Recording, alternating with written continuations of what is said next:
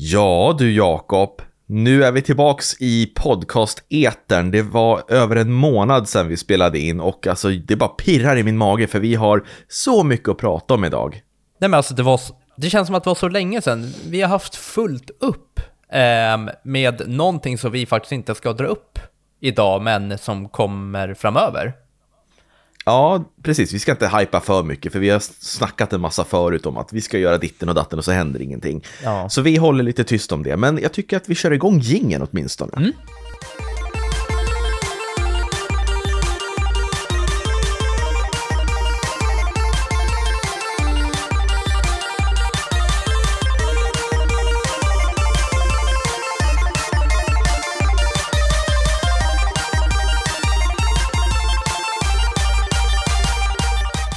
Sådär, varmt välkomna ska ni vara till spelkväll med Robin och Jakob. Och idag så ska vi gå igenom lite rollspel. Vi har spelat en hel del RPG'n under de, den eh, gångna månaden. Det har vi verkligen. Och sen så ska vi gå igenom allt det här med Xbox och Nintendo som har eh, hänt, som vi eh, trodde lite på förhand, men som inte alls blev av. Så vi, vi har ett fullspäckat avsnitt. Ja, och eh, innan vi går vidare så måste jag bara berätta någonting. Att den 27 april kommer jag och Jakob åka till Örebro och eh, gå på Retromania. Mm. Som är en retrospelsmässa kan man säga. Där man kan eh, träffa folk som gillar retrospel, köpa retrospel och även sälja retrospel och bara ha det väldigt trevligt med tv-spelsintresserade. Det kan bli jättekul och eh, vi kommer vara där och eh, kanske spela in någonting. Det har vi inte bestämt, men ja. Eh, det borde det väl bli. Jo, vi har ju bestämt det. Vi ska ju ha med oss en kamera och mikrofon och spela in både en YouTube-video och sen också ja, men, intervjua lite pers där som vi kan ha med i ett podcastavsnitt framöver. Okej, okay, ja, men då hade vi bestämt det helt plötsligt. Ja, eller vad då helt plötsligt? Det är därför vi ska dit. Jaha. Och ja, men liksom bara visa. Ja, jaha. jaha. Så att eh, om ni är sugna att träffa oss där i Örebro så är det bara att eh, komma dit den 27 april. Eh, ni kan söka på Retromania. Vi kan ju eh, tagga Retromania i ett Instagram-inlägg också när vi lägger ut det här avsnittet så kan ni läsa på om allt det om det verkar intressant. Precis. Så är det helt enkelt och eh, det kommer bli jättekul. Men du, vi har så mycket att prata om. Jag kan knappt hålla mig. Okej, ska vi ta och börja avsnittet då? Ska vi köra lite nyheter först? Det här med Nintendo, Microsoft och allt det här. Mm, ja men precis. Eh, du kan väl dra lite bakgrundshistoria med, du är så bra på datum att eh, allt det där med att de höll på, det skulle läggas på samma dag, deras eh, prestationer och det. Ja, ja, men precis. Det här var ju några veckor sedan, så att det här är inte dagsfärskt, men det är ju sällan vi kommer med dagsfärska nyheter i spelkväll. Mm. Men det var ju så här att Nintendo hade, det hade ryktats om att Nintendo skulle hålla en Nintendo Direct, ett sån här video där de presenterar spel som kommer till Switch. Och det har varit mycket prat om, kommer de visa upp eh, Switch efterföljare, Switch 2, som det går under, liksom det arbetsnamnet. Eller kommer de vänta, kommer de visa spel som kommer bara till Switch och sådär. Och parallellt med det här så gick Microsoft ut med att de också skulle hålla en kort liten video, eller en podcast, där de skulle berätta om Microsofts framtidsplaner för Xbox. Mm. Och då var det många som började tänka så här, vad ska de sluta tillverka Xbox-konsoler? För det är ju ingen hemlighet att Xbox, de berättar ju inte offentligt hur många konsoler de har sålt. Nej. Så att förmodligen är det betydligt färre än vad Playstation har sålt. Ja, och jag kan säga att du och jag, vi har nog varit i all världens forum och kolla upp det här. Ja, och ja, men folk har undrat, jaha, ska de sluta tillverka konsoler? Kommer de bli tredjepartsutvecklare? För de äger ju en hel del spelstudior och sånt där.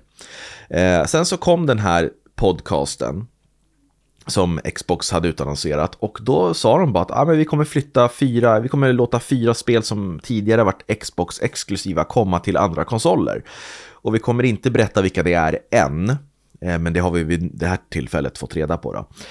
Um, och sen så kommer de flesta spelen fortsätta vara Xbox-exklusiva som vi utvecklar till, um, till Xbox såklart. Så att varken Starfield eller Indiana Jones and the Great Circle kommer att komma till de andra konsolerna i nuläget. Uh, och att de kommer på något sätt tillåta folk som inte har en Xbox att ändå kunna spela deras spel på till exempel telefon och på dator och sånt där.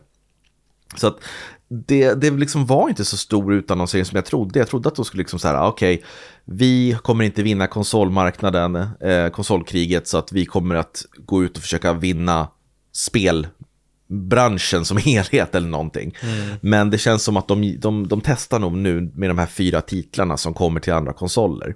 Ja. Och de fyra titlarna, de har ju nu utannonserats och det är Pentiment som finns till Switch redan nu. Eh, Grounded som kommer till både Playstation och Switch. Mm. Och sen så Hi-Fi Rush som kommer till Playstation. Och sen eh, Sea of Thieves också.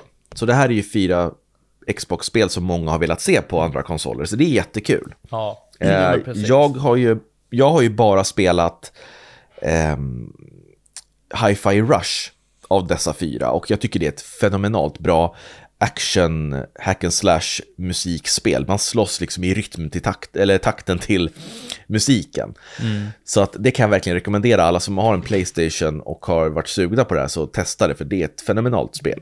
Ja, precis. Och det här äh, gick de ut med, det var ingen vanlig person, de gick ut i en podd, i ett poddavsnitt som de skulle släppa.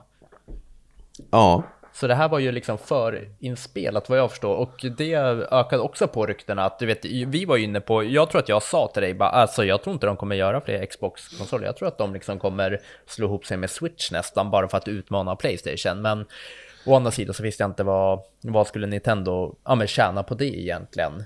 Eh, och sen skrev jag också så här, eh, jag, var, jag var inne på att Game Pass skulle släppas till Playstation konsol och alltså så att man kan komma åt Game Pass inne i Playstation och inne på Switchen. Men då blir också så här, fast nej, det blir helt fel. Varför ska man gå in på Sony Playstation för att sen kunna hoppa vidare till Xbox Game Pass. Alltså det var väldigt så här, det, ja, det känns som att man blev mindfuck för att man var inne på så många olika faktorer som kunde hända.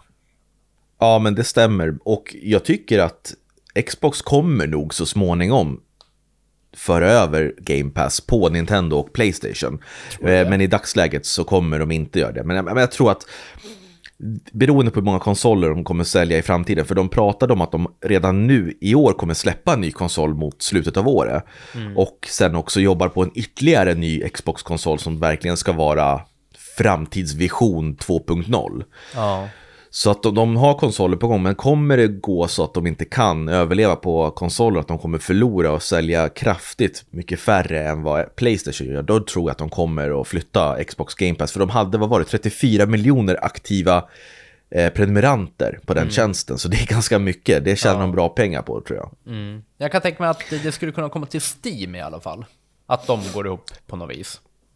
Ja, men de har, alltså tänk dig Jakob, Microsoft äger ju Windows operativsystemet. Mm. Så att eh, du behöver ju inte ens ha Steam, du, du behöver bara ha en Windows så har du ju Xbox Game Pass automatiskt. Ja, det är sant. Du vet, det finns ju Game Pass för PC också. Och det är ju bara att du har Windows. Mm.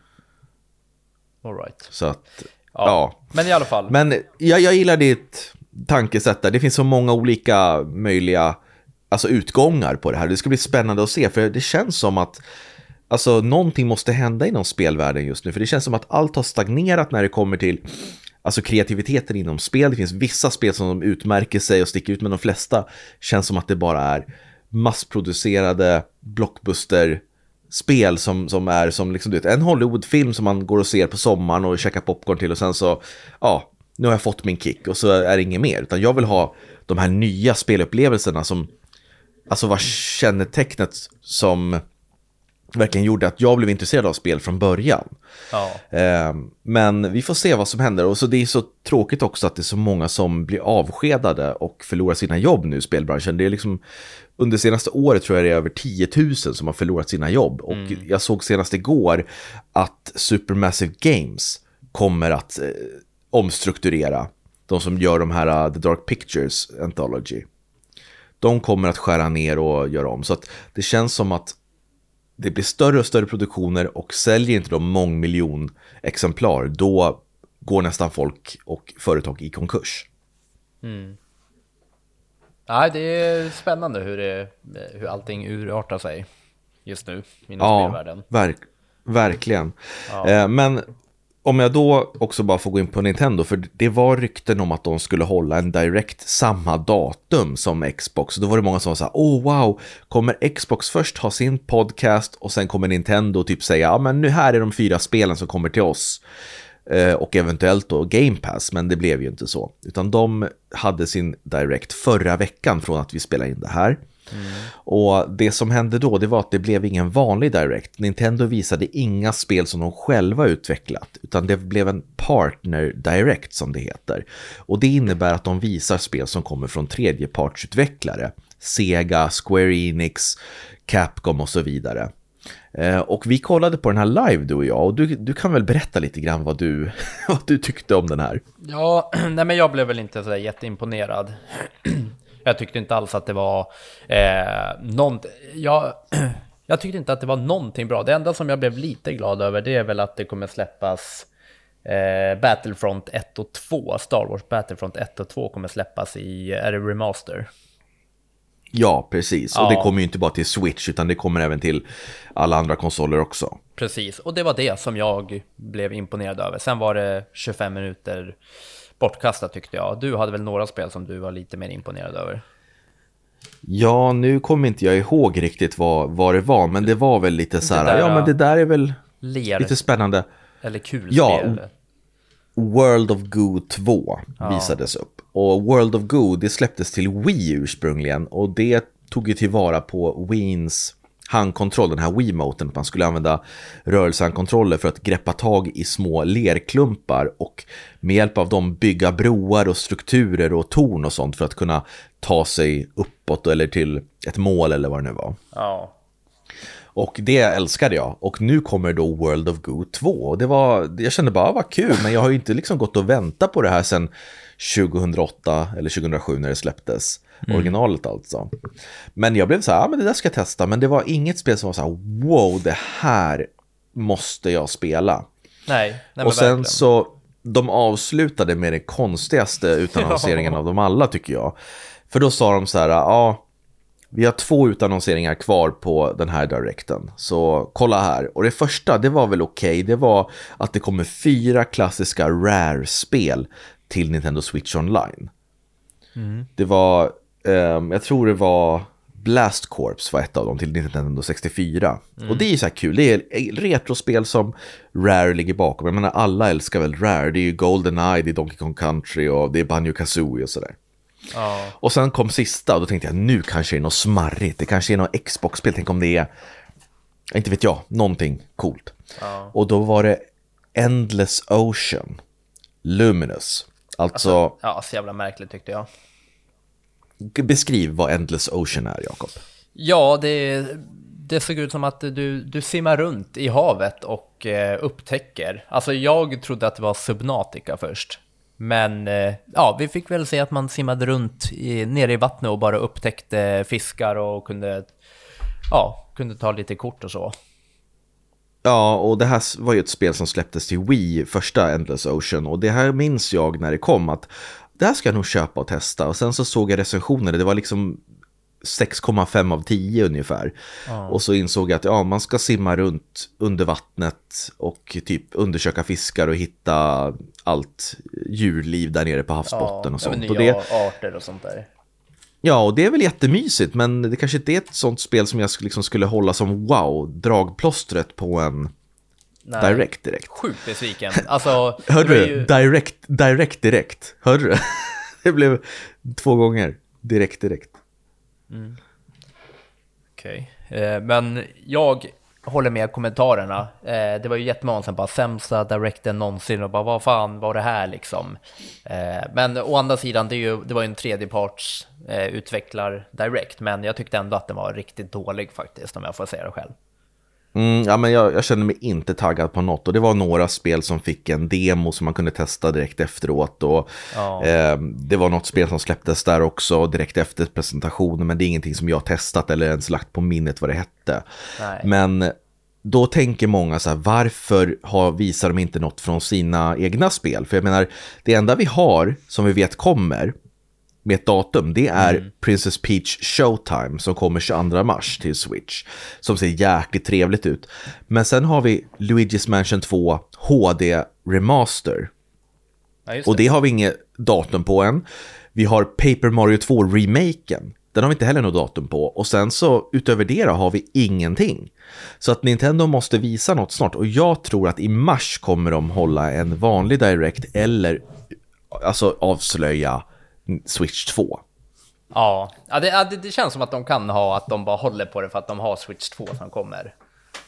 Och sen har det ju varit massa rykten om det, att den skulle ha släppts i höst först, sen så har det blivit uppskjutet till mars 2025 och sen ytterligare att nej, det kommer efter mars 2025 så att det kanske är nästa höst. Mm. För att Nintendo då enligt rykten ska vilja ha så många spel de bara kan färdiga till konsolen. Och är det så att det stämmer, då, då tycker jag absolut skjut upp den ett år, för jag vill hellre ha fantastiska spel på release än att släppa en konsol och inte ha något spel. Ja, Ja, hur som helst, jag kan säga så här att innan de här presentationerna och det, alltså vi var ju eld och lågor. Vi var ju verkligen så här, bara shit, tänk så, det här kanske blir helt nytt för hela spelvärlden och bara, ah, det kanske blir så att Xbox och Nintendo, då, då kanske slår ihop sig och sen slutade liksom med att, ja, det blev egentligen ingenting av det. Nej, det blev ingenting. Det blev precis som förut, bara att det kommer fyra spel till andra konsoler. Ja, men precis. Men eh, precis, då har vi gått igenom det i alla fall. Mm. Känner du Men nöjd? Bara för, för, ja, ja, ja, jag vill bara sammanfatta det att jag tycker att eh, vi har en spännande tid framför oss och just nu så känns det lite torftigt på Nintendos lineup för året, men det kommer såklart att ändras för de, man kan aldrig räkna alltså, med att förutse vad Nintendo ska göra. De mm. gör sin grej. Ja, men precis. Ja, och vänta, medan vi ändå pratar om det här. Eh, Sony har ju haft lite problem med Playstation nu, för de gick ut och sa att de inte hade nått upp till målen med att eh, sälja tillräckligt många Playstation 5. Så att deras, deras aktie har ju störtdykt här ett tag nu. Jaha. Mm. Va? Det borde jag komma eh, på. Ja, men det är klart att du inte har det. Ja, men jag är ju de... gammal bankman. Ja, men du verkar ju inte bry dig. Så att eh, de gick ut för någon vecka sedan och sa att vi har inte sålt så många vi har velat. De har sålt runt 50 miljoner Playstation 5, vilket jag tycker är fantastiskt bra. Men tydligen så var inte det deras försäljningsmål och då har folk blivit lite så här, jaha, vad nu då? Men mm. de ryktas att släppa en Playstation 5 Pro i alltså slutet av året. Okej. Okay. Ja, vad spännande. Mm. Då eh, kan vi spinna vidare på lite andra nyheter. Absolut. Eh, när vi ändå är inne på ekonomi och det så har det kommit ut en nyhet här för några dagar sedan att Nintendo är nu Japans rikaste företag. Det är ju otroligt. Ja, det är otroligt. Och då, alltså, och med tanke på att de inte liksom eh, inte ens har Switch 2, alltså de har inte ens tagit in liksom så här förhandsbokningar på den och sånt. Antar jag att man kan räkna in i det. Så där lär de ju gå lite mer plus också. Absolut, och jag menar, jag tycker Nintendo förtjänar det för att de tar alltid egentligen de största riskerna inom spelvärlden. Det är mm. alltid de som du vet gör de här största flopparna, men det är också de som gör de största succéerna tycker jag. Ja, men så är det ju. Så ja, det är ju lite kul att det, ju, det känns skönt, alltså jag vet inte, det känns tryggt i spelvärlden att det går så bra för dem. Då kan man säga, okej, okay, det kommer inte hända något drastiskt där. Ja, jag håller med. Ja, just det, fan förlåt, nu hoppar jag tillbaka till det, men vi får ju inte missa att det är ju faktiskt en Pokémon Direct här som vi kommer kolla på idag när vi spelar in. Ja, precis. Ska vi dra lite förväntningar på det också ja, innan vi går vidare? Ja, det var väl därför som vi inte, vi fick ju inte se någonting om Pokémon, vi har inte hört någonting liksom, det kan också ha en anledning till att det kommer en egen Direct här. Mm, definitivt. Ja, och eh, jag tror väl att det kommer komma lite lite mer om Pokémon Go. Alltså du vet, det kommer väl komma lite uppdateringar och sånt. Eh, eftersom det är en ny liksom, region som är ute som inte riktigt har introducerats på Pokémon Go och så. Mm, exakt. Ja, så där tror jag. Du tror på en liten remake. Ja, jag hade ju velat ha egentligen Alltså det här kanske låter lite tråkigt, men jag hade velat se en remake av Guld och Silver, Pokémon Gold and Silver, fast i Let's Go Pikachu, Let's Go Eevee tappning. Och det spelet är ganska bristfälligt tycker jag. Eh, det är väldigt avskalat för att det ska vara så lätt som möjligt att spela för barn och familjer. Men jag tycker att det, det var bara så mysigt och enkelt att spela tillsammans och sådär. Och jag känner att jag behöver ett sånt spel nu. Det finns så många stora rollspel som tar 40 till 60 timmar att klara. Jag vill ha ett Let's Go Johto då, som eh, den här regionen heter i Pokémon Guld och Silver. Hade inte det varit otroligt mysigt, Jakob? Jo, det hade varit jättemysigt och jag, jag ser faktiskt hellre att man går tillbaka och gör remake på det än att göra ett nytt spel med nya Pokémon. Eh, för jag är, mm. jag, jag, tycker det börjar räcka lite med nya Pokémon eh, och då ser jag hellre att man kör igenom de här eh, gamla, du vet, där man kan faktiskt alla Pokémon. Så det, jag stöttar det, den tanken.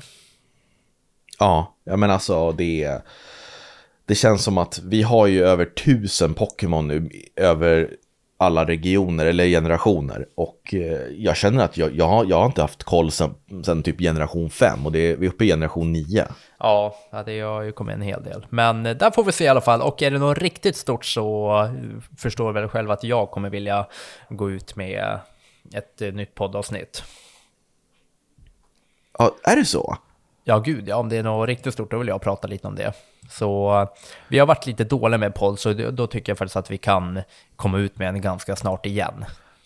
Ja, jag håller Men en Pokémon special, hade inte det varit kul så här att vi rankar våra favorit-Pokémon-spel och sånt där i samband med den här direkten? Jo, det hade det varit. Och sen så kan, jag, kan man prata lite Pokémon. Åh, gud vad det? Pokémon-kort kan jag gå in på lite grann bara och toucha ämnet. Mm, ja. lätt. Ja, Jajamän, där har vi det. Och sen så en annan nyhet är ju att det här, det, vi kommer ju dra en liten recension för vi har varit inne och känt, eh, doppat tårna lite i Helldivers 2. Men, ja, precis. De... Och det här gillar ju du mer än vad jag gjorde, helt klart. Ja, nej, men jag, jag, jag, tyckte om, eh, jag tyckte om känslan. Men det som är det är att eh, Helldivers 2, alltså han som har gjort vdn, Eh, mm. har, ju, mm. har ju gått ut och sagt att bara, har ni inte råd och så, vänta lite med köpet bara för att de har ju så problem med det här kö, kön in. Det är så mycket kö, så du vet, du kan ju sitta i kö in till servrarna, de är helt överfulla. Ja, alltså jag, jag och du, vi försökte ju spela det här nu i helgen. Ja. Och alltså vi hade ju, det var så bara, tyvärr, försök igen, servern är full. Ja, det är så jävla synd, för det sägs ju att det ska vara bäst att spela tillsammans och jag fick ju till och med in det i det. Vi satt och väntade och sen så satt vi i kö i typ så 40 minuter och då bestämde vi oss att nej, vi skiter i det. Ja, men det, det, var liksom det du fick av mig. Eller ja, jag, jag, jag spelar ju lite grann sen, men jag mm. tappade ju allt sug. Ja, precis. Men de har i alla fall otroligt många som spelar eh, samtidigt. Så det, men det är synd att det ska vara sådär att det är, servrarna är överfulla så du kommer inte in och kan spela. Ja, men alltså hur ska man beskriva det? Alltså det enklaste jag kan beskriva på det är typ som Starship Troopers fast spelversion. Mm. Alltså jag fick ju du jättemycket Destiny 2-känslor från det. Ja. Eller Destiny ja, överhuvudtaget. Precis. Ja, men liksom, man springer runt i grupper kan man väl säga och liksom skjuter på monster, alltså typ insektsmonster eller vad man ska säga. Ja, alltså vill vi, vadå, ska vi hoppa in i recensionen nu då? Och bocka av dem? Ja, ja, ja, det gör vi, tycker ja. jag. Nej, men då gör vi det. Och det jag älskade med det här spelet såklart, är att det fanns ju ingen riktig så här bakgrundsberättelse. Eh, så det, behövde, det, det, var inte så mycket så här, du vet att, ja men det var inte så mycket cutscenes och sånt det började, utan du blev ju inslängd direkt i spelet och det handlar ju typ om att du ska, ja men du ska befria galaxen helt enkelt från massa otäcka monster och liknande. Mm, exakt. Men det här är ju då uppföljaren till Helldivers såklart och Ja. I, uh, ha, har, har, har, du, har du spelat originalet? Jag ja, har inte det. Nej, inte jag, men jag har kollat lite för jag blev lite vet du, in, jag tyckte det var lite intressant för de pratar mycket om det här med hur man fick se kameran i Helldivers 2. Mm -hmm. eh, och då blev jag lite så här, då blev jag lite intresserad på att se hur kameran var i första spelet. Och det är ju mycket mer ambitiöst nu, alltså mycket, mycket mer. I första spelet, jag vet inte när det kom för det första, har du något? Jag, jag, jag, har ingen aning. Nej, men i alla fall, i första spelet var det likadant. Det är mycket fokus på samarbete och du vet, man ska gärna eh, spela flera stycken tillsammans för då blir det som bäst. Men i första spelet så fick du liksom se det, kameran var, typ fågelperspektiv, alltså rakt uppifrån kan man nästan säga. Mm, Okej. Eh, och i det här är det ju då att nu har du kameran liksom i tredje person. Du har den liksom, säg att du har den på axeln. Om du förstår vad jag menar. Ja, ja, ja, ja, precis. Så, alltså. så nu är det mer som att du liksom har den på axeln och springer runt. Och eh, det ger ju mycket mer FPS-känsla. Alltså jag jag gillar det här när det är lite mer mot first person-hållet. Även fast det är liksom tredje person, men det börjar närma sig och du, det, man, man, man känner då att du siktar mycket mer. Alltså, du kan ju springa runt och sikta, det kunde du inte göra i första. Då var det väl mer att du liksom, ja men skulle hålla dig åt rätt håll och skjuta. Mm, precis. Men alltså för, för mig som, som testar det här, jag känner ju bara att det här är, ja, det är samma sak, multiplayer, eh, göra quests och liksom klara av uppdrag och så ska man åka till olika planeter och göra ditten och datten. Ja. Och ja, men liksom, som du sa, Destiny 2, vi- när vi körde Destiny, jag, ledsnade ju efter liksom 40 minuter och nu ledsnade jag också. Men för dig som spelar mycket multiplayer, liksom, hur tycker du att det här står sig jämte mot typ Call of Duty och sånt? Skulle du liksom börja spela det här på heltid eller skulle du liksom gå tillbaks till, spela det här ett tag och sen gå tillbaks till Call of Duty? Ja, nej men ja, det är ju jättesvårt att blanda de två spelen. Det är ju ganska olika på sina håll. Eh, i, alltså om du säger kod, där hoppar du ner och sen så kör du samma skit hela tiden. Eh, här är det verkligen, alltså här har du en hel galax. Samma skit! Här har du verkligen en hel galax att upptäcka. Ehm, har du. Så här, alltså du vet, jag vet inte hur många planeter. Jag ska säga först att eh, du behövde klara några camp campaign-avsnitt innan du liksom kunde hoppa ut i en stora eh, krig, vad jag förstår. Så jag har inte liksom testat på det, utan jag håller på med lite campaign-avsnitt här där, där, där jag ändå fick med mig lite random-spelare. Men det som var i alla fall, det var att jag valde liksom vart jag ville att min här kapseln skulle slå ner. Eh, och då, tog, då tog, valde jag ett uppdrag, min kapsel slog ner och liksom kommer upp. Jag får välja lite vilka vapen jag ska ta med mig och sånt innan. Och sen så kommer jag ner på en, ja men typ mindre planet i ett uppdrag och eh, helt plötsligt då kommer det in lite folk. Ja men jag märker att det kommer in lite random folk, eh, så det är ju liksom alltid online. Eh, och de kommer in och hjälper mig. Och sen så helt plötsligt så kommer det ja, men lite motstånd som du ska klara av. Och sen så har du vissa uppdrag, typ att du ska sätta en flagga eh, nere vid deras bas. Och då har du klarat av uppdraget. Så det, är ju- det är ju mycket samarbete och det är därför det är så synd att vi inte kunde spela tillsammans. För jag kan tänka mig att det är väldigt kul om man har en grupp på liksom tre, fyra stycken och kan eh, köra lite taktik med hur du ska ta dig fram och det. Men Ja men det, alltså där har du ju helt rätt för att hade vi typ varit ett team du, jag och två till som alltid spelar, finns tillgängliga och spelar precis Ja. när som helst på dygnet. Då hade det här varit skitkul och då hade alla multiplayer-spel varit kul tycker jag. Men det är ju det här att ibland så kanske jag vill spela liksom mitt i, alltså på kvällen, mitt i natten, eh, direkt på morgonen och då är det så här, det är sånt jäkla jobb att dra igång tre andra som så här, men kan du? Nej jag kan inte, men kan vi spela ikväll? Ja jag kan och så händer något som man inte kan spela. Det är det där som jag inte pallar, då är det bättre att för mig att bara få sitta och spela, göra mina grejer i mitt tempo. Mm, Ehm, det men det här, när du förklarar det här eh, och nu när jag tänker efter så är det ju jävligt kul om man hade varit en grupp människor. Så Mm. ja, att, men det är eh, ju så. Hade tiden Ja. funnits så hade det varit nice. Men, och sen så under tiden här så har du då att Eh, du hjälps ju åt på ett sånt vis att du kan ju även liksom kalla ner olika, inte specialgrejer, men typ equipmentboxar. Så typ om du börjar få slut på ammo, då kan du liksom, då, då, det är också en sån där sak, då kan man sitta och snacka, då kan jag till exempel ta min energi till att bara, ja ah, men jag, jag kallar ner en eh, am, eh, ammunitionsbox och då kan alla liksom springa och ta den. Så du spelar verkligen inte för dig själv utan du hjälps ju åt allihopa. Och när någon liksom dör då kan man bli revivad och hela det där köret. Så du ska egentligen bara klara av det med ditt eh, team du har där. Och sen så finns det lite spe specialsaker man kan göra under tiden. Jag märkte ju ganska direkt dock att först det här med att jag inte kom in på servern eh, och sen så har jag märkt lite enkla tekniska buggar. Jag fastnade ju i en, jag hittade en, en annan kapsel som låg på backen och den hade ju liksom någon grej i sig så jag skulle plocka den och då plockade jag den och sen så kom jag inte ut, ut från den kapseln. Nej, Nej, fastnar jag, du? Ja, så jag satt fast. Man, man, man gick liksom inte i kapseln, utan man såg den ligga på backen. Så jag fastnade på någon liten bråte som låg där.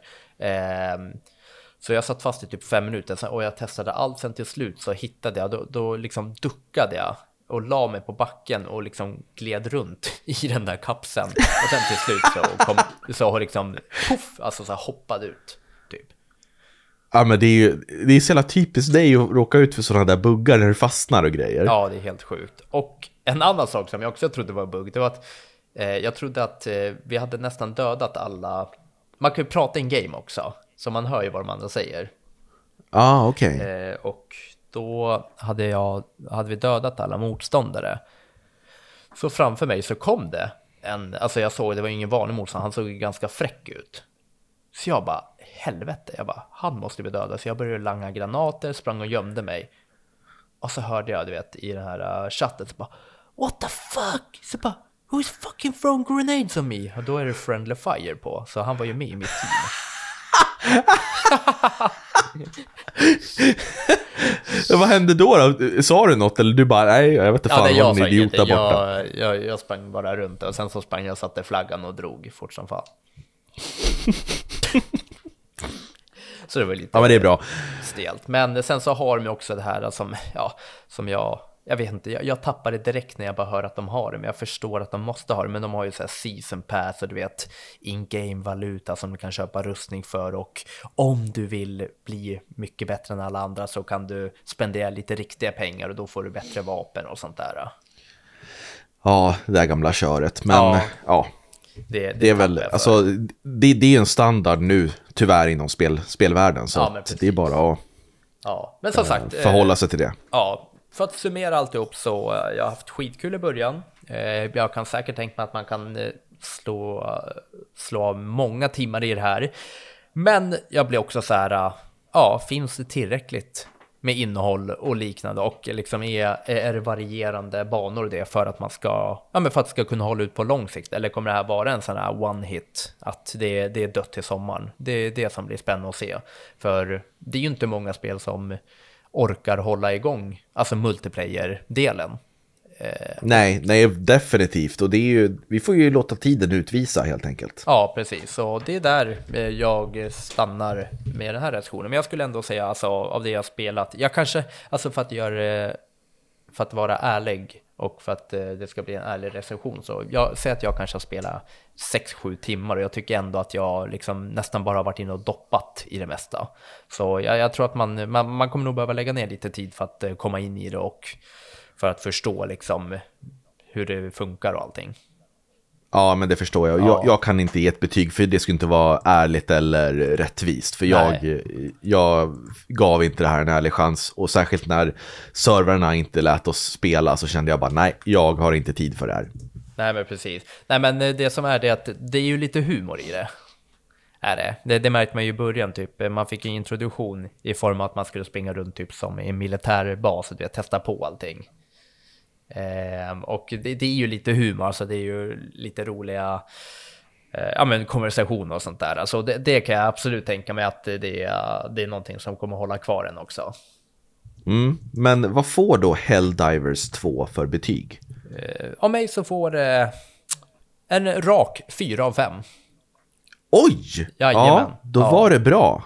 Ja, men absolut, det var bra och jag fick ju verk, verkligen så här uh, Destiny 2, eller Destiny-vibbar av det. Och jag tyckte om Destiny jättemycket också. Så hade man bara haft, som, som jag säger, hade man haft några att spela med så hade det varit skitkul.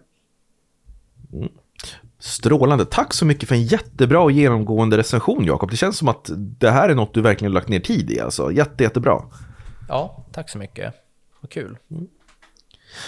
Och eh, jag kan väl då gå in på mitt spel som jag ska recensera här. Det behöver inte bli lika lång, men eh, jag har ju då spelat Persona 3 Reload.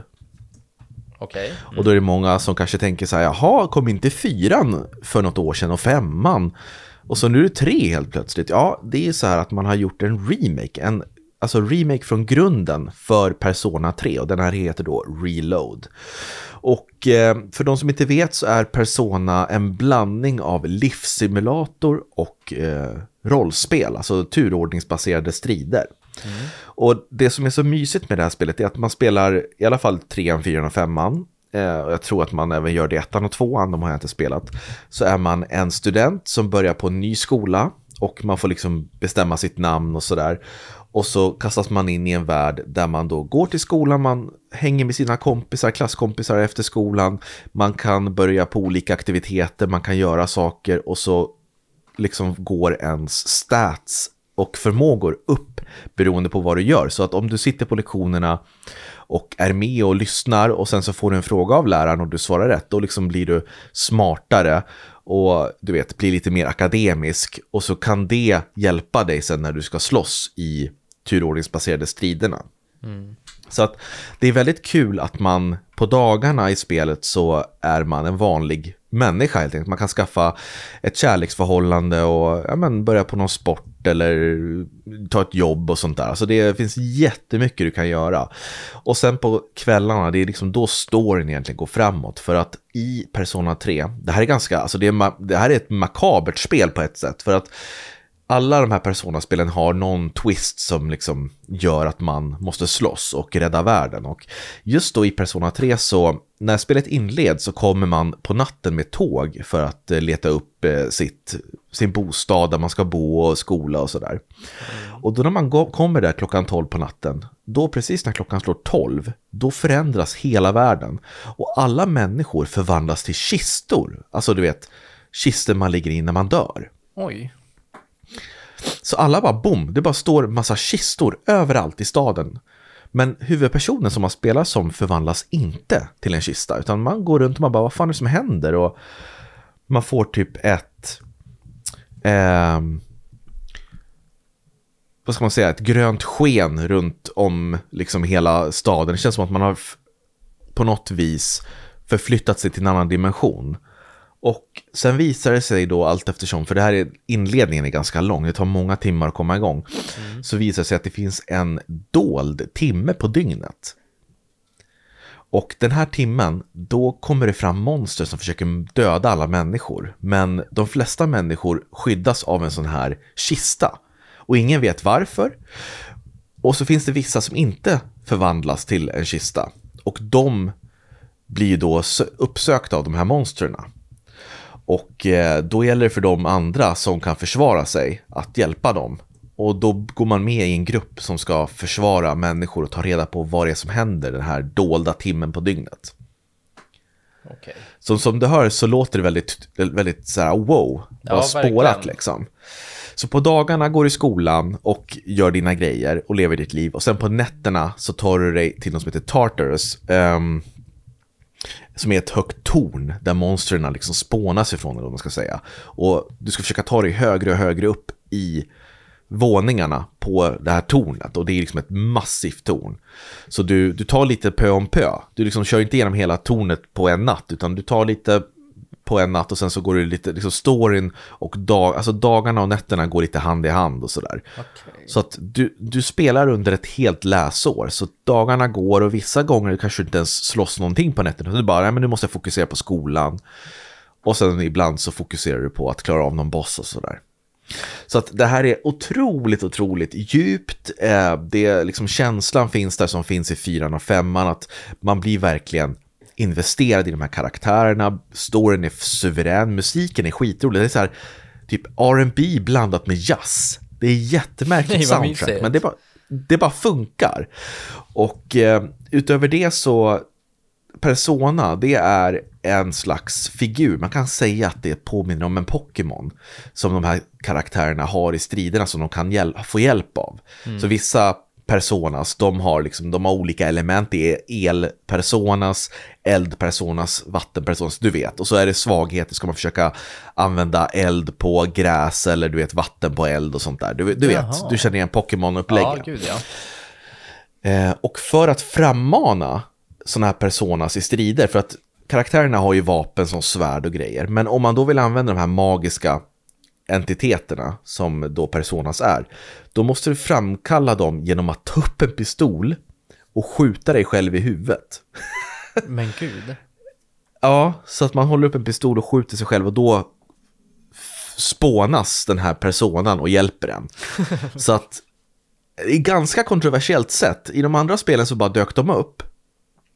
Men här är det en pistol som du måste hålla upp mot huvudet och det känns ju inte alls särskilt bra för alltså, ungdomar att se det när de spelar det här. Mm. Men eh, det är ändå ett bra spel utöver det det så är det liksom ett fenomenalt bra spel och så kan du kombinera olika personas, du hittar ju nya personas under hela spelets gång och du kan fusa ihop dem så att de smälter ihop och blir en kraftfullare persona och ja, det är kul att samla på dem, det är lite som Pokémon på ett sätt. Jaha. Det var som fan. Ett vuxet Pokémon. Ja. Nej, men jag, jag, tror dock inte det här är för dig, för det är väldigt pratigt, det tar lång tid. Jag tror introduktionen är runt två till fyra timmar bara innan du ens liksom får göra något aktivt val. Alltså där du verkligen får bestämma själv. Annars är det så här, gå dit och så går man dit så får man se en cutscene. Tryck på den här knappen, gör det. Men när du väl kommer in i det, jäklar vad det bara rullar på och är ett djupt och Alltså det är sånt äventyrligt RPG. Fast att det är i dags, alltså i nutid. Det är liksom ingen fantasy utan det är nutid, skola, mobiltelefoner och sådär. Men det är bara så jävla bra. Så jag älskar Persona 3 Reload. Det som gör att det inte får full pott, som jag har givit både 4 och 5 det är att jag känner att jag har spelat det här förut i och med 4 och 5 Hade jag börjat med det här spelet och inte testat Persona innan, då hade det nog fått en femma. Mm. Men eftersom det är samma typ av spelupplevelse och att det bara är storyn som har ändrats egentligen och inget nytt, så får det 4,5 för att det är så jävla bra. Så att alltså, oavsett vilket du väljer, Persona 3 Reload, Persona 4 eller Persona 5 så kommer du få ett fantastiskt äventyr framför dig. Okej, okay. ja men vad spännande. Suverän. Och jag har testat det här till Xbox Series X. Ja, suverän recension Robin. Prima. Yes. Ja. ja. Och det vi ska göra nu, eh, för du har väl något spel kvar sen? Ja, fast jag har inte hunnit spela ut det. Jag kan bara hinta lite om att jag har nu spelat i en veckas tid Final Fantasy 7 Rebirth och det är inte släppt officiellt när vi släpper den här recensionen. Nej. Men jag kan bara säga att eh, det är otroligt bra. Det här är så nära 5 av 5 det kan bli eh, än så länge. Okay. Så det är så, så bra. Och man har tagit sig friheter i storyn, så det är inte helt likt originalet. Men det tar riktigt, riktigt coola vändningar. Jag tänker inte avslöja någonting, men eh, det här är en spelupplevelse som är någonting utöver det vanliga. Och till skillnad från Persona 3 så är det här ett fantasyspel. Så att eh, det är två olika upplevelser. Jag tycker man ska spela båda. Eh, men just nu så känns Final Fantasy 7 Rebirth som mitt årets spel. Men det kommer en lite mer fullständig recension när jag har klarat ut det och verkligen känt och klämt på allt som går att göra. Mm, då har vi ännu en eh, anledning till att spela in ett avsnitt. Oj, oh, jävlar. Okay. Uh, oh, Vadå? Nej, det gick lite folk på taket mitt emot här, men jag tror de håller på att laga någonting, eller så håller de på att ta sig in. Va? Ja, nej, jag tror de håller på att kolla ventilationer.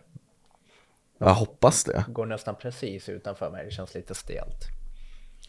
Usch vad obehagligt. Ja, Har du liksom taket? Oh, yes. Jacob från spelkväll. Oh, you know, okej. Okay. Alla kände till det. Jacob från spelkväll. så här liksom, två random snubbar som snackar engelska bara så här. talk. Is, is you Jacob? Jacob spelkväll? Du bara ja, Jacob spelkväll. Nice to see you. Ja, det varit sjukt. Åh oh, jävlar. Ja, du, du, är, du är underbar Jakob. Tack, tack. Det är alltid något som händer. Men det går faktiskt två snubbar här, det, kan jag, det ljuger jag inte om. Nej, men det tror jag på. Yes. Men uh, Robin. Men ska vi, ja, förlåt. Nu ska vi hoppa in i ett spel som jag har ju lovat dig och i podden här att jag ska klara av 12 spel i år eh, och spela liksom, spela ut dem. Ja, för du har ju en dålig track record av att klara ut spel. Verkligen. Men du, du, du ligger i fas än så länge, va? För du klarade ut The Last of Us Part 2 Remastered. I januari. Och nu är det mm. sista februari och jag kan säga så här. Eftertexterna har rullat i Super Mario RPG.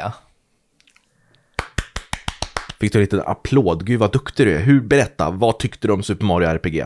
Det är helt fantastiskt är det. Det är... det, det är så mycket som är bra i det. Du vet, allt det här, uh, vi, vi har ju redan pratat lite om Super Mario RPG, men vi kan väl bara ta en recension till bara för att visa att vi tycker om spelet. Ja, kör på. Ja, nej men alltså det är ju, eh, det är ju så jävla underbart. Det börjar ju med som vanligt att, eh, ja men Peach blir fångatagen av Bowser, den gamla vanliga räven. Men sen visar det sig att, jag vill inte avslöja för mycket, men det visar sig att han kanske inte är den stora boven i det här, det här spelet.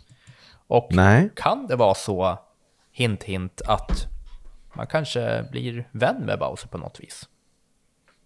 Mm. Fast egentligen, varför, varför behöver du inte spoila det? Men det här originalspelet har ju funnits ute sedan 90-talet och eh, de flesta har väl hunnit spela det här. Ja, det, det kanske är sådana som inte har spelat det som eh, är som mig också. Men eh, ja, vi, vi kan väl säga det. Du går in i party med Bowser. Mm. Och det tyckte jag var spännande. Att du kan vara, du liksom spelar tillsammans med Bowser för att klara av det här spelet. Ja, hur känns det då? Att liksom bryta den där klassiska mallen? Nej, men jag tycker det känns bra. Jag har alltid tyckt om Bowser, även fast han har varit, även fast han har varit liksom ond, så känns det aldrig som att han har varit ond och ond. Han har alltid varit lite, lite trevlig ändå. Mm. Men berätta lite grann då om vad du tycker om spelmekaniken och sådär. Ja, nej men då är det ju det för de som kanske inte alls vet och som liksom lyssnar på första gången och har funderat på att köpa det. Då är det ju Super Mario RPG, det är ju rollspel då. Så du har ju, eh, du springer runt som vanligt eh, med Super Mario i en värld och sen så när du möter på motståndet då kastas du in, jag, jag brukar, bara för att förklara enkelt, som i en Pokémon fight där du, det är liksom turbaserat, du börjar göra en attack och eh, sen så gör motståndaren en attack och liknande. Och det finns så mycket i den här, alltså i själva battlesystemet du kan göra. Du, du kan, jag vet inte om det fanns i, på originalet, men du kan ju liksom Eh, du kan både blocka, så om du liksom klickar på knappen precis när attacken ska nudda dig, eh, då kan du blocka och då bygger du upp liksom som en procentmätare som kommer upp i 100% på den, då kan du göra en superattack tillbaka. Och det är mycket sånt här som gör att när, när jag har känt att ah, fan, jag kommer förlora den här fighten, det är helt otroligt. Alltså jag, tar ju, jag gör ju knappt skada och eh, ja, men eh, den här motståndaren är för stark mot mig, ja, då kan du alltid liksom, har, är du riktigt bra, då kan du ju blocka liksom flera attacker i rad. Och eh, om du mm. liksom blockar flera attacker i rad och sen så healar du upp dig samtidigt, då kan du liksom till slut få upp till den här stora attacken som gör att du gör otroligt mycket skada. Så det är så mycket runt om i battlesystem, det är ju inte bara framslå framslå, ibland missar de framslå. Utan det är väldigt mycket sånt där uh, du kan göra och du är ju tre styckna, du har fem karaktärer till slut och du har tre styckna som du är i fight med. Och alla de här har ju såklart olika attacker. Du har ju en Peach som kan hila och är jättebra. Hon kan göra så här group hug så att alla, får, alla i ditt party får upp HP och liknande. Så det är ju verkligen mycket, alltså det är mycket taktik i det här, mer än vad jag någonsin trodde. Mm, ja men alltså det, det är ju så jävla kul, alltså som du säger group hug, det låter ju så kul och det är ett väldigt humoristiskt spel. Vi har ju pratat om dialogerna i det här spelet, vi garvar ju som tusan åt allt som händer i spelet. Och eh, för att svara på din fråga, det här, alla de här sakerna fanns ju i originalet också så att stridssystemet är ju i grunden ett turordningsbaserat system, men det är hela tiden aktivt. Du kan alltid påverka genom dina knapptryck att göra extra mycket skada eller att blockera. Så att det finns alltid möjlighet att påverka och det är det som gör att det fortfarande håller sig fräscht och roligt tycker jag och sticker ut.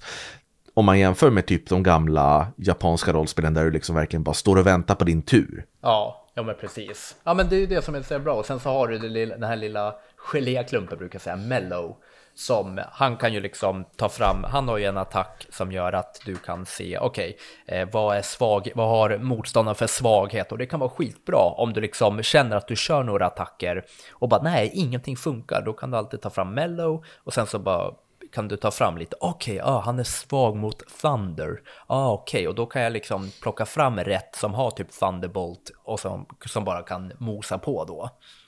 Mm. Så det är jättemycket sånt där. Och sen så tycker jag, alltså hela bara världen, du vet, hela spelvärlden, den är så jävla fantastisk. Eh, du eh, glider runt på så många olika ställen och du får så mycket olika uppdrag. Eh, som är så himla fantastiskt. Du är uppe i himlen, du är ute liksom i djungeln, i det vilda och allt sånt där. Så nej, det är helt fantastiskt det här spelet. Och sen måste jag bara säga att det, det, det enda negativa som jag tycker, det är det här plattformsmekaniken. Det är, mm. det är sjukt svårt med det här plattformsmomentet för du ser kameran är så här den, ja, den är isometrisk. Ja, det är den verkligen. Så när liksom en plattform, du vet, det är mycket så här uh, i spel att du ska hoppa från plattform till plattform och ramlar du ner så börjar du om från början. Och där hade jag det väldigt svårt, för det är väldigt ofta som det känns som att okej, okay, nu är plattformen rakt fram och sen hoppar du och då var den visst till vänster. Så det hade jag jätteproblem med. Ja, men det hade jag också. Det, eftersom man ser allting snett ovanifrån på ett isometriskt perspektiv, då blir det ju så att du får förlita dig på Marios skugga som är under honom, mm. för du har ingen aning om hur nära eller långt ifrån du är det här objektet du ska hoppa på. Så att man, man ser ju en skugga under hans fötter. Ja. Så det är den man får förlita sig på. Och jag håller med, plattformsmomenten hade ju kunnat göras mycket bättre i den här remaken. Mm. Men som du säger, den här världen är så fin och mysig och det här perspektivet gör att det känns väldigt unikt. Och grafiken är också så mysig, alla ser ju så små pytte ut. Mario ser mm. ut som en liten pyttefigur jämfört med hur han brukar se ut. Och eh, musiken är också helt fenomenal tycker jag. Den är liksom passar Super Mario, man känner igen den, men den är också unik och känns väldigt så här, ja ah, det här är något, någonting eget. Mm. Ja men exakt. Och sen så är det mycket så här, du vet, du kan ju, du samlar ju coins eh, runt om i världen också kan du göra. Du kan hitta lite hidden treasures som du får lite coins och, och grejer från som du kan springa och sälja för att sen kunna köpa bättre utrustning till, ja men till dina eh, små figurer och liknande. Så att de får bättre defense, bättre, ja men attack och sånt där. Så det är mycket mm. sånt mm. som jag också tycker är kul, att eh, det, det håller sig på en så enkel plan. Alltså det är ett perfekt rollspel för mig. Det är liksom mer så här, det är inte massa tjabbel om du vet, ja oh, men då måste du equippa den här och då får du mindre där och sen så bla bla bla. Alltså det är så här, det är tydligt att när du får en ny, vi säger en ny t-shirt som du kan equippa, equippa på någon av dem, då står det att okej, okay, plus 6 i defense emot vad den hade innan. Och det, du vet, det behöver inte vara mer än så. Jag älskar att det är så här en ny t-shirt och ja. inte så här en rustning eller en sköld. Utan det är så här, ja men här, du får en annan t-shirt, den är plus 6 i defense. Ja, det är bara precis. så kul. Och, och vi pratar ju om det, det, finns ju ett tillfälle i spelet, eller det finns många där man bara skrattar rätt ut för att det är så sjukt roligt. Eh, när man kommer till, det är någon by och så är det en Goomba som har öppnat en butik eller vad det är. Ja, det är så jävla sjukt alltså. Fy fan vad roligt Kan du inte berätta det? Alltså jag garvar så jag höll på att dö. Ja, nej men alltså det är ju Ja, man springer ju där, man springer med Mario och sen så kommer man till en ny by. För det, det, är ju vissa, man kan säga checkpoints, där du kommer till vissa byar där du kan, ja men du vet allt. Du kan vila upp dig så att du får full HP och du kan springa in och köpa lite i en affär och det. Och då kommer du ut till en by som ligger liksom mitt ute i ingenstans typ. Och då när du springer in där, då är det en gomba som står där, eh, ja men i kassan typ. Eh, och sen kommer man in som Mario och han bara ah, hej, så bara ah, kan jag hjälpa till med något? Och då hoppar Bowser ut från ditt party för då blir det en cutscene. Och det här Goomba bara Bowser, så bara, ah, men vad kul att se dig, det var jättelänge sedan, så bara, ah, vad kul, ah, du, du ser, det går bra för mig, jag öppnar upp en egen restaurang och sen så har jag lite barn och då kommer det tre så här Goombas fram på sidan av. Så det är så här, du vet, så jävla sjukt som att han liksom har tagit sig ut från att vara Bowsers eh, livvakt till att liksom starta upp ett nytt liv och starta upp en liten affär. Alltså det är så jävla sjukt bara. Ja, det är så kul. Så här, bara, ah, hur går det för dig nu? Jag hörde att du, du blev besegrad av Mario där, sen visste jag inte mer. Så här. Ja, det, är, alltså, det är så kul. Nej, alltså, ja. Jag kan verkligen rekommendera det här spelet också. Men ja, gud, eh, få höra då, vad, vad ger du Super Mario RPG Remake för betyg? Du ska få betyg alldeles strax. Jag måste bara berätta. Jag tycker det är så kul också det här med att, vet du det? Och det tänkte jag inte först på i slutet, du vet att Bowsers Alltså hans vanliga attack, det är att han, han plockar upp Mario och liksom slungar honom mot motståndaren. Alltså det är också bara så här, du vet, sjukt. Jag tänkte inte på det först, men sen du vet när jag efter ett tag, jag bara, men vänta här nu, är det inte så här sjukt att Bowser bara, åh, nej, Mario kom hit, jag kör vanlig attack här, hoppa upp, så, och sen bara kastar han iväg honom på motståndaren. Ja, det är så jävla roligt alltså. Men... Och att han tillåter det varje gång också, att han aldrig ser det Mario. Nej, nej precis. Men man märker också att allting kretsar ju kring Mario i det här uh, stridssystemet också. Att uh, Mario måste ju vara, uh, han kan ju inte byta ut ur partyt då. Det är ju liksom han, alla de här superattackerna liksom kretsar kring. Mm. Är det. Men för att summera då, så skulle jag säga 4,5 av 5. Oh, vad är det som hindrar dig från att få en femma? Det är eh, plattforms eh, eh, eh, skulle jag säga. Och sen så tycker jag att, eh, jag måste säga det, jag tycker att eh, längden är perfekt också. Men jag tycker att det är det här plattformsgrejen eh, som förstör lite och sen så tycker jag att det är lite, lite, lite lite för korta äventyr mellan städerna. Jag hade velat haft, du vet, så att när man lämnar en stad, då ska man, man ska pracka på sig, man ska ha mushrooms och man ska på med allting så att man kan liksom heala upp sig och sånt. Och sen så ska du liksom ut på ett äventyr för att möta nästa stad. Det är ju typ så här, jag tycker det istället för att, jag tror att det är kanske en vad kan det vara, sju, åtta städer. Jag skulle kunna säga att eh, korta ner det till tre så att du hittar checkpoints på vägen istället. Men så att du ändå känner att du ute på ett långt äventyr. Det ska ta några, alltså det ska ta ett tag mellan städerna. Jag tycker de kommer lite för tätt in på varandra. Mm. Ja, men eh, strålande recension underbart spel och tack så mycket Jakob. Det var riktigt, riktigt kul att få prata om det där äh, favoritspelet. Alltså det är ett favoritspel hos mig i alla fall. Ja, det är fantastiskt.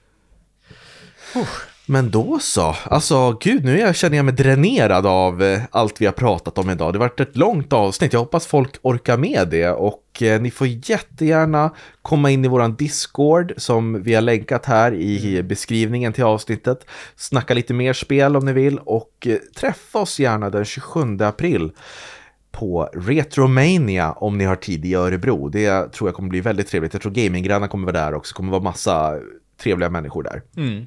Ja, men precis. Så med det sagt så eh, får jag tacka så mycket för idag. Vilken...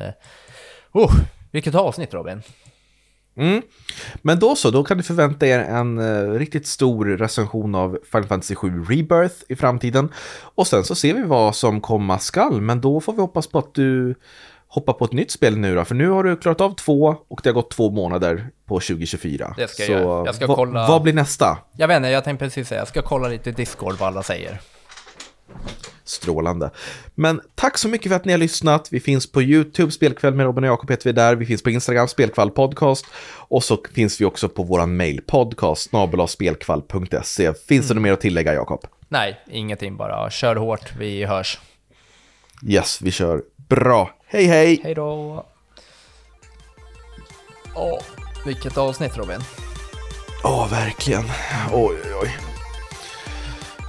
Jag har ingenting att säga, inget roligt. Jag är bara så här, åh, nu vill jag bara gå och lägga mig och sova. Ja, jag har slutat spela in här. Hej då. Ja, bra. Hej.